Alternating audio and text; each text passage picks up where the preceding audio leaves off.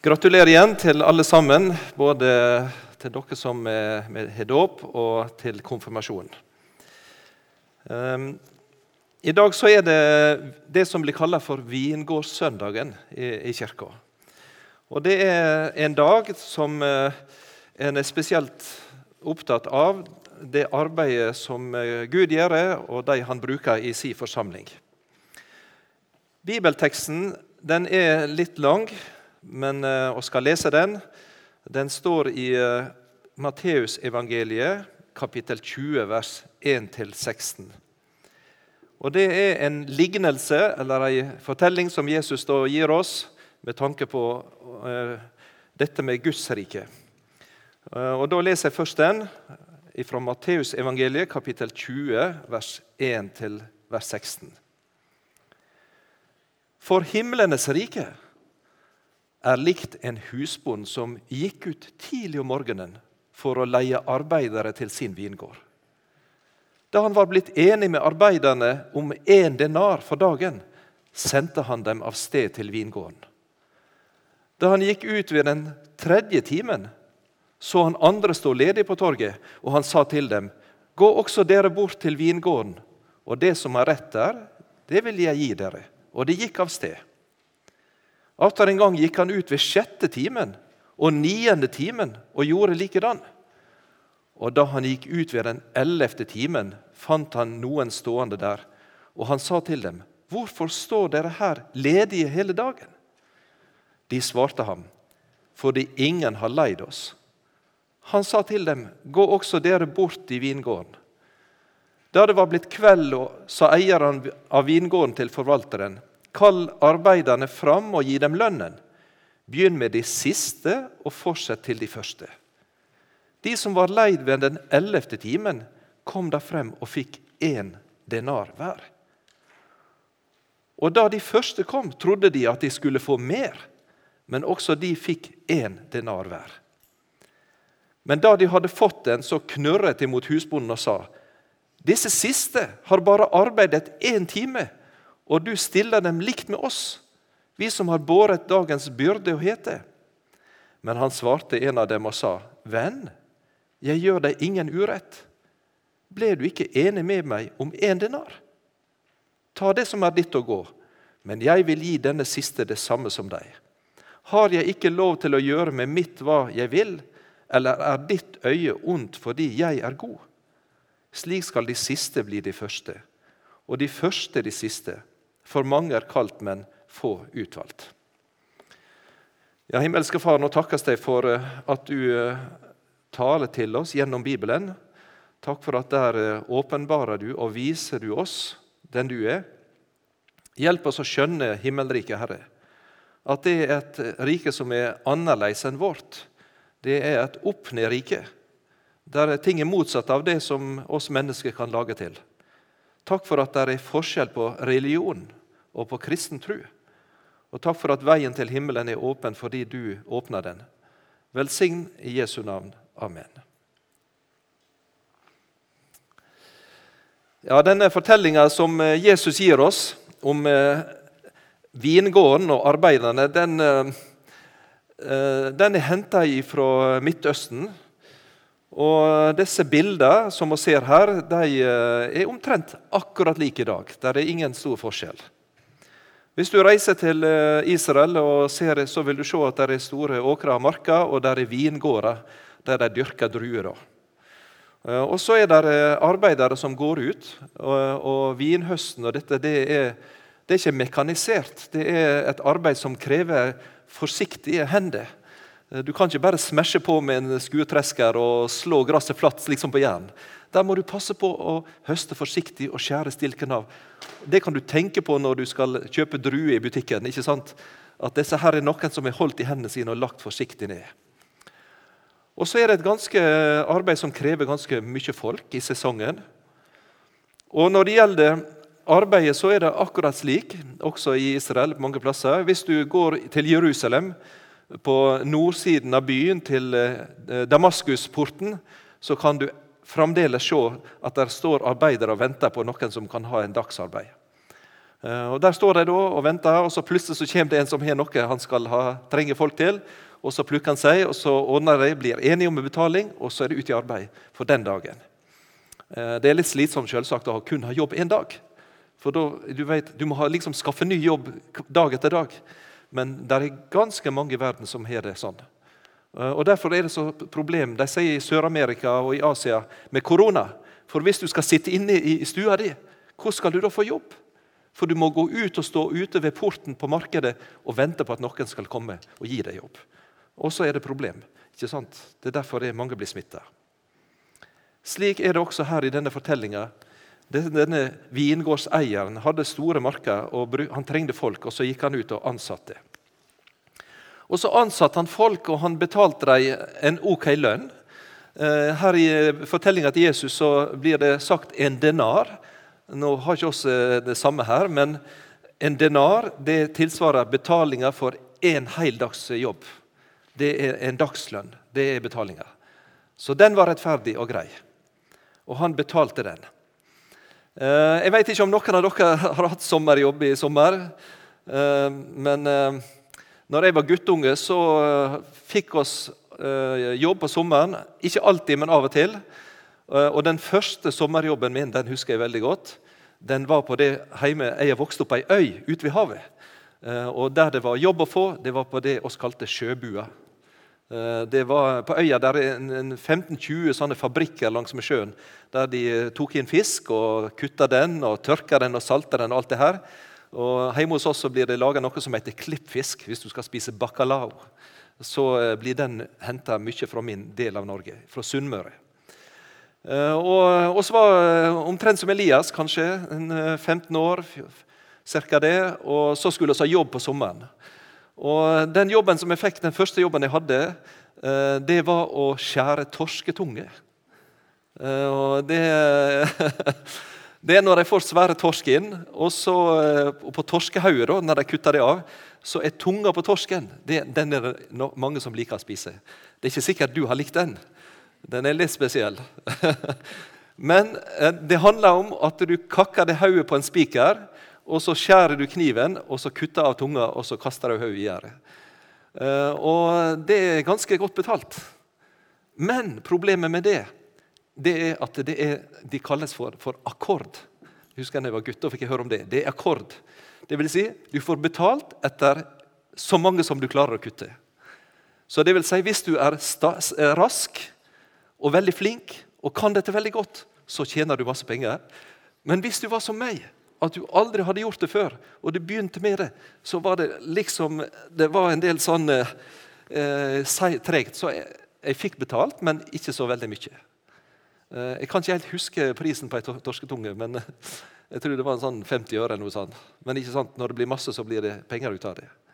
Eh, og Det var på NRK fra Lofoten når ungdommer som i sommer jeg tror jeg hadde tjent eh, altså 60 000 på, på, en, eh, på en kort stund. Bare på å skjære sånn. og De var flinke da. Det vil si, det som jeg opplevde ved første jobben min Til flinkere jeg var, og til raskere jeg klarte det, til mer penger fikk jeg. Ikke sant? til mer penger fikk jeg. Det var akkord. Jeg, jeg tjente penger på den måten. Og hvis jeg da var slapp og ikke gadd, så ble det lite og ingenting. Slik er det ofte i denne så ser det, at Hvis vi jobber og er flinke og gjør det bra, så får vi bra lønn. Og hvis vi ikke, så får vi ikke så mye. Grunnen til at Jesus forteller denne fortellinga om denne vingårdseieren som henter arbeidere inn, det er at litt lenger i kapittelet før så kommer det en gutt, eller en ung mann. Eh, jeg tror kanskje han var litt eldre enn deg, Elias. Eh, men han begynte å spørre spørsmål til Jesus. Og han lurte på, står det i Matteus kapittel 16, 19, vers, 19, vers 16, så står det et spørsmål. Han sier eh, dette her, hvordan skal jeg få arve Guds rike? Hvordan skal jeg få til det?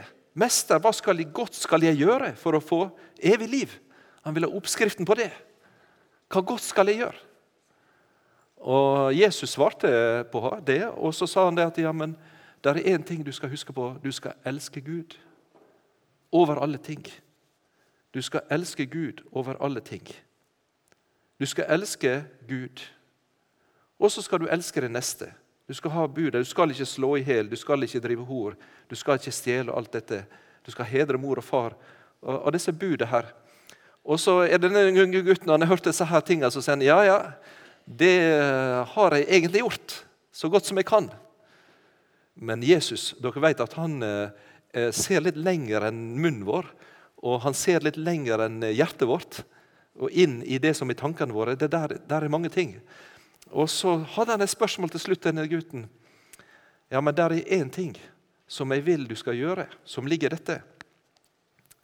Du skal eh, selge det du eier. Og så skal du gi det til de fattige som ikke har, og så skal du komme og følge meg. Det som da skjedde, var at denne unge gutten her, som liksom hadde tenkt det at han skulle liksom plusse på lønna Han skulle gjøre litt ekstra godt. Smelle til med litt ekstra gode ord og gjerninger. og Så skulle han få skatten, som i himmelen. Jesus han snur opp ned på det. For det som skjedde når at Jesus skjønte denne gutten hva han sa, så sa han at du skal selge det du eier, og så skal du gi til de fattige og følge meg. Det som skjedde da, var at denne unge gutten han ble superlei. Han står om det her, Denne unge mannen, han, da han hørte dette, så gikk han bedrøvet. Det vil si at han var kjempelei seg bort, for han hadde stor rikdom. Han hadde masse ting. Det som var poenget med det, det var at denne gutten han sa det ja, men å elske Gud og elske vennene mine og elske andre mennesker, det har jeg gjort. Så var det slik at i hjertet hans så gjorde han det ikke. Det var én ting han elska mer. Han elska rikdommen sin og tingene sine over Gud og andre. Og det skjønte Jesus. Og det ville Jesus lære han. Dere vet det med kjærligheten det, jeg vet ikke, nå skal ikke ha noe sånn vitnemøte om, om, du har vært forelska her. Det, da kunne vi fått hørt mange ting, tror jeg. Men hvis du blir forelska, sånn, så, så, plutselig så oppdager du en person som du, som du kanskje ikke har sett før, som du blir veldig begeistra med. Og tenker på hver dag. og hele veien. Uh, og dette med kjærligheten er litt pussig. For dere vet at det, det, er litt sånn med kjærligheten og sånn. Det er akkurat som uh, kona kom og spurte mannen sin nå, mann, min, nå har jeg vært gift i i, i 20 år og jeg vil gjerne vite hvor høyt elsker du meg. Og mannen sier å, kona mi, jeg elsker deg utrolig høyt. Ja, men eh, hvor høyt? Jo, sier man ca. 90% Kjempehøyt, ikke sant? Er skikkelig bra innsats høyt der oppe. Tror, mann, eller, tror han kona hadde blitt fornøyd med mannen sitt svar? Og sa å, kjære gode mann min, tenk 90% Du er kjempegod, og tenk at du elsker meg så inderlig. Nei, jeg tror hun hadde blitt litt skuffa. Fordi hun vet når det gjelder å elske og kjærligheten, så er det kun 100% som teller. Det må dere tenke på, for hvis en begynner å dele dette opp, så går det i stykker. Det er mange som opplever. For hvis du tenker at ja, men jeg elsker kona mi 90% og så 10% til en annen, ei anna som på jobben og sånn. Det går ikke. Det går ikke. Det går i stykker. Slik også med Gud. Så når den unge, rike mannen begynte å skal tenke og fortjeneste sånn Jo, jeg elsker Gud. Jeg elsker Gud 50% Og så eiendommen 50 eller kanskje 60% på eiendommen. Det regnestykket går ikke. Så begynner Jesus å fortelle denne fortellinga om denne, unge, denne mannen som kalte ut de arbeidere. Dette med klokkesletta er litt pussig. For det står liksom her klokka ni og klokka tolv og eh, klokka seks og klokka ni og sånn. Eh, I Øst-Afrika så er dette ikke pussig, for du må trekke streken tvers over klokka di. Dagen begynner klokka seks. Klokka ett det er klokka sju om morgenen. Da har det gått en time. Klokka tre det er klokka ni på formiddagen. Klokka seks og klokka ni det er, det er tre på ettermiddagen. Og den ellevte timen det er klokka fem. Da er det kun én time igjen av dagen. For klokka seks på kvelden da kommer mørket, og så er det slutt. Og så er det noen som blir arbeidere som blir brakt inn her. Og Så blir de spurt om å stille opp og jobbe, og alle er fornøyde. og alle kommer inn i arbeid. Og så er det plutselig, når lønna skal deles ut, så gjør denne eieren akkurat likt med alle sammen. De klokka fem som har jobba fra fem til seks den siste biten, de får akkurat det samme som de som hadde jobba hele dagen. Det ble de første sure på og sa det er urettferdig. Oss vil ha mer. Oss har gjort større innsats, Oss har holdt på lenger. Men slik er dette regnestykket til Jesus. Lønna som de får i himmelriket, den er akkurat lik for alle. Det er ingen forskjell. Om du har vært kristen i 50 år og vært misjonsarbeid og kristen tjeneste og alt det, eller om du akkurat har møtt Jesus og begynt å følge han, så er det ingen forskjell. Og det som er Poenget at i Guds rike så handler det ikke om fortjeneste og lønn. Det er ikke akkord at du får bedre betalt til bedre du er, men det er et motsatt rike. Og Nå skal jeg lese to viktige vers for dere som er konfirmanter. Og Da skal jeg begynne å slutte av med det.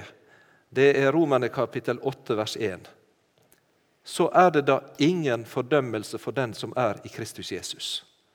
Det er eh, på en måte overskrifta over en kristen sitt liv og tjeneste.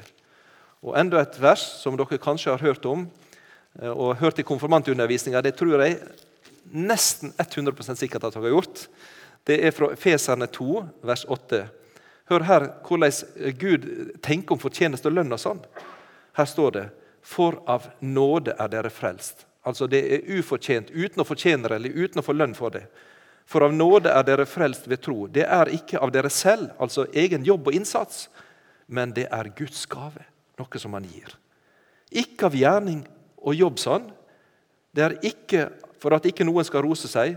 Vi er Hans verk, skapte i Kristus Jesus til gode gjerninger, som Gud forut har lagt ferdig for at vi skulle vandre i dem. Det gjelder kristentrua di, og det gjelder livet ditt for Jesus. Det er Han som gir deg den samme lønna, den samme fortjenesten. Og han har belønning for deg. Han har et evig liv og gir alt det du trenger. Så er det én ting til, og det er at Herren han har bruk for deg. Han trenger deg i sin tjeneste. Det er en grunn til at du lever, en grunn til at du ble født. En grunn til at du er du, fordi andre trenger deg, og Herrens hånd har bruk for din munn og føtter og hender. Til slutt Disse som prøvde å lage til en sånn fortjenestegreie, sier at 'jeg fortjener mer enn han og hun', de ødelegger alt sammen. Og Gud sier at slik kan de ikke ha det. For mitt øye og min tanke og mitt hjerte er god. Men den som vil gjøre forskjell på folk og gradere folk og si at 'jeg har vært god lønn, og jeg er best, og han er dårlig', og 'hun er fin, og han, hun er ikke', og alt dette her, ikke sant? Dere kjenner det? Hvordan vi vil lage forskjell på folk. Og sånn. Så Hvis du gjør det sånn, så ødelegger du alt. Gud, han er god. Og Til slutt så vil jeg fortelle og slutte av med ei jente som jeg hadde på bibelskolen i Tanzania. Hun heter Pauline. Hun ble, eh, gikk på skolen, og så var, kom der en evangelist fra kirka og hadde kristendomsundervisning i klasserommet. Og Så hørte hun om denne her, Gud som hadde skapt oss, og han som steg ned i Jesus og Kristus og frelste oss, og som ga sitt liv på korset, og som sto opp fra de døde som lever. Og Så tenkte hun at han har jeg lyst til å følge. Og Elias, du er, er du, du er 15, ikke sant? Hun var akkurat din, like gammel som deg. 15 år. Og så gikk hun hjem til mor og far og sa mamma og pappa og jeg tror mest pappa tror jeg, sa nå har jeg hørt om Jesus på skolen, og jeg har lyst til å tro på han. Og jeg har lyst til å gå til dåpsopplæring. Men det som skjedde da, var at pappaen sa nei, det kan ikke skje. Og hun maser på pappaen. Dere vet hvordan det er, ikke sant? Og Jentene og guttene sånn, begynner å blinke med øynene og smile. Og alt sånt. Og hun her blinka og smilte og spurte igjen, sånn som jentene er. Og hver gang sa pappa nei, nei. Og så sa han vår klan, Bayo, er medisinklan. Det er vår tradisjon å skal holde dette videre. Det går ikke. Til slutt så begynte han å bygge ei lita hytte et stykke ut forbi huset der de bodde. Ikke veldig stor. Sette på vegger og tak og sånn. Når døra var ferdig, så tok han jenta si, som da var på Elias' alder, og så kasta han den inni, smekka inn døra satt på hengelås. Han satte henne i en sånn urenhetsskikk som de hadde i den religionen. Metemani kalte de det. Hun ble utsondra fra de andre. Kunne sitte opp i ett år. Hun fikk vann og mat, og sånn, men hun satt alene. I over ett år så var hun innelåst i et mørkt rom av far sin. Og Faren tenkte jeg skal knekke denne jenta slik at hun gir opp det her. Når det var gått et år, så tror jeg han begynte å, å bli bekymra. Så hun sa en dag så hørte jeg at far drev og fikla med låsen og låste opp og åpna døra. Og jeg kom ut i lyset. Og så sa jeg til far Kan jeg få lov til å bli døpt og følge Jesus, pappa? Hun hadde hatt en med seg inn i hytta, så hun var ikke alene. Da knakk faren sammen og begynte å gråte. Og Han sa datteren min, datteren min, dette går ikke, men det får bli. Du får bli. Og når hun ble døpt, så fant hun en i Bibelen som hadde vært i fengsel. Og Det var Paulus. ikke sant? Så Derfor så tok hun et nytt navn og het Pauline.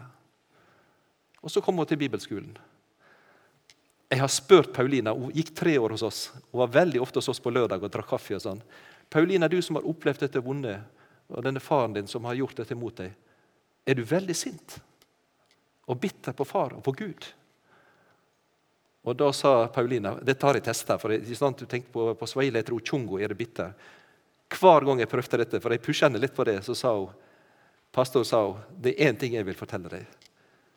Jeg har fått en ny far i himmelen som er veldig god. Så siterte hun Salme 34. Smak og kjenn at Gud er god. Det var hennes svar. Og Denne gode Gud som kaller deg til tjeneste og fellesskap og samfunn, som gir deg det du trenger uten fortjeneste, alt du trenger til, han er den som vil velsigne deg og bruke deg også i ditt liv. Skal oss be. Himmelske Far, jeg takker deg for at du er en Gud som elsker oss. Med et hjerte som er 100% godt, fullt av kjærlighet på en fullkommen måte, ikke delt som oss, Herre, hjelp oss å vende blikket og ta imot din store gave, tilgivelse og fred og evig liv. Takk for at du vil berge oss og frelse oss og bruke oss. Herre, la oss gå inn i tjenesten som disse og ta imot den gave du gir, og din nåde. La oss leve av det, Herre. Velsign nå konfirmantene, og legg dem i dine hender i Jesu navn. Amen.